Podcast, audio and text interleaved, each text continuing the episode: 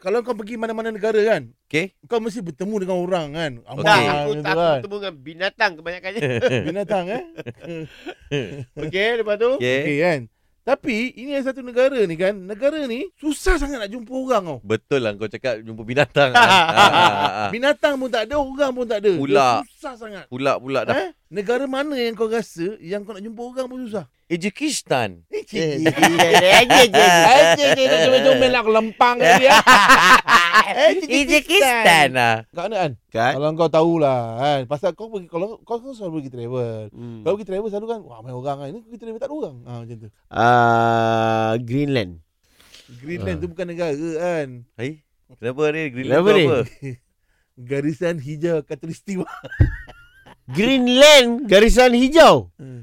Green Land? Lantern. Land? Land uh, tanah. Oh, garisan masa tu maksud kau Greenwich. Ah Greenwich ah yes. Yes. betul. Okey. Kau punya Greenland. Salah kan bukan Greenland.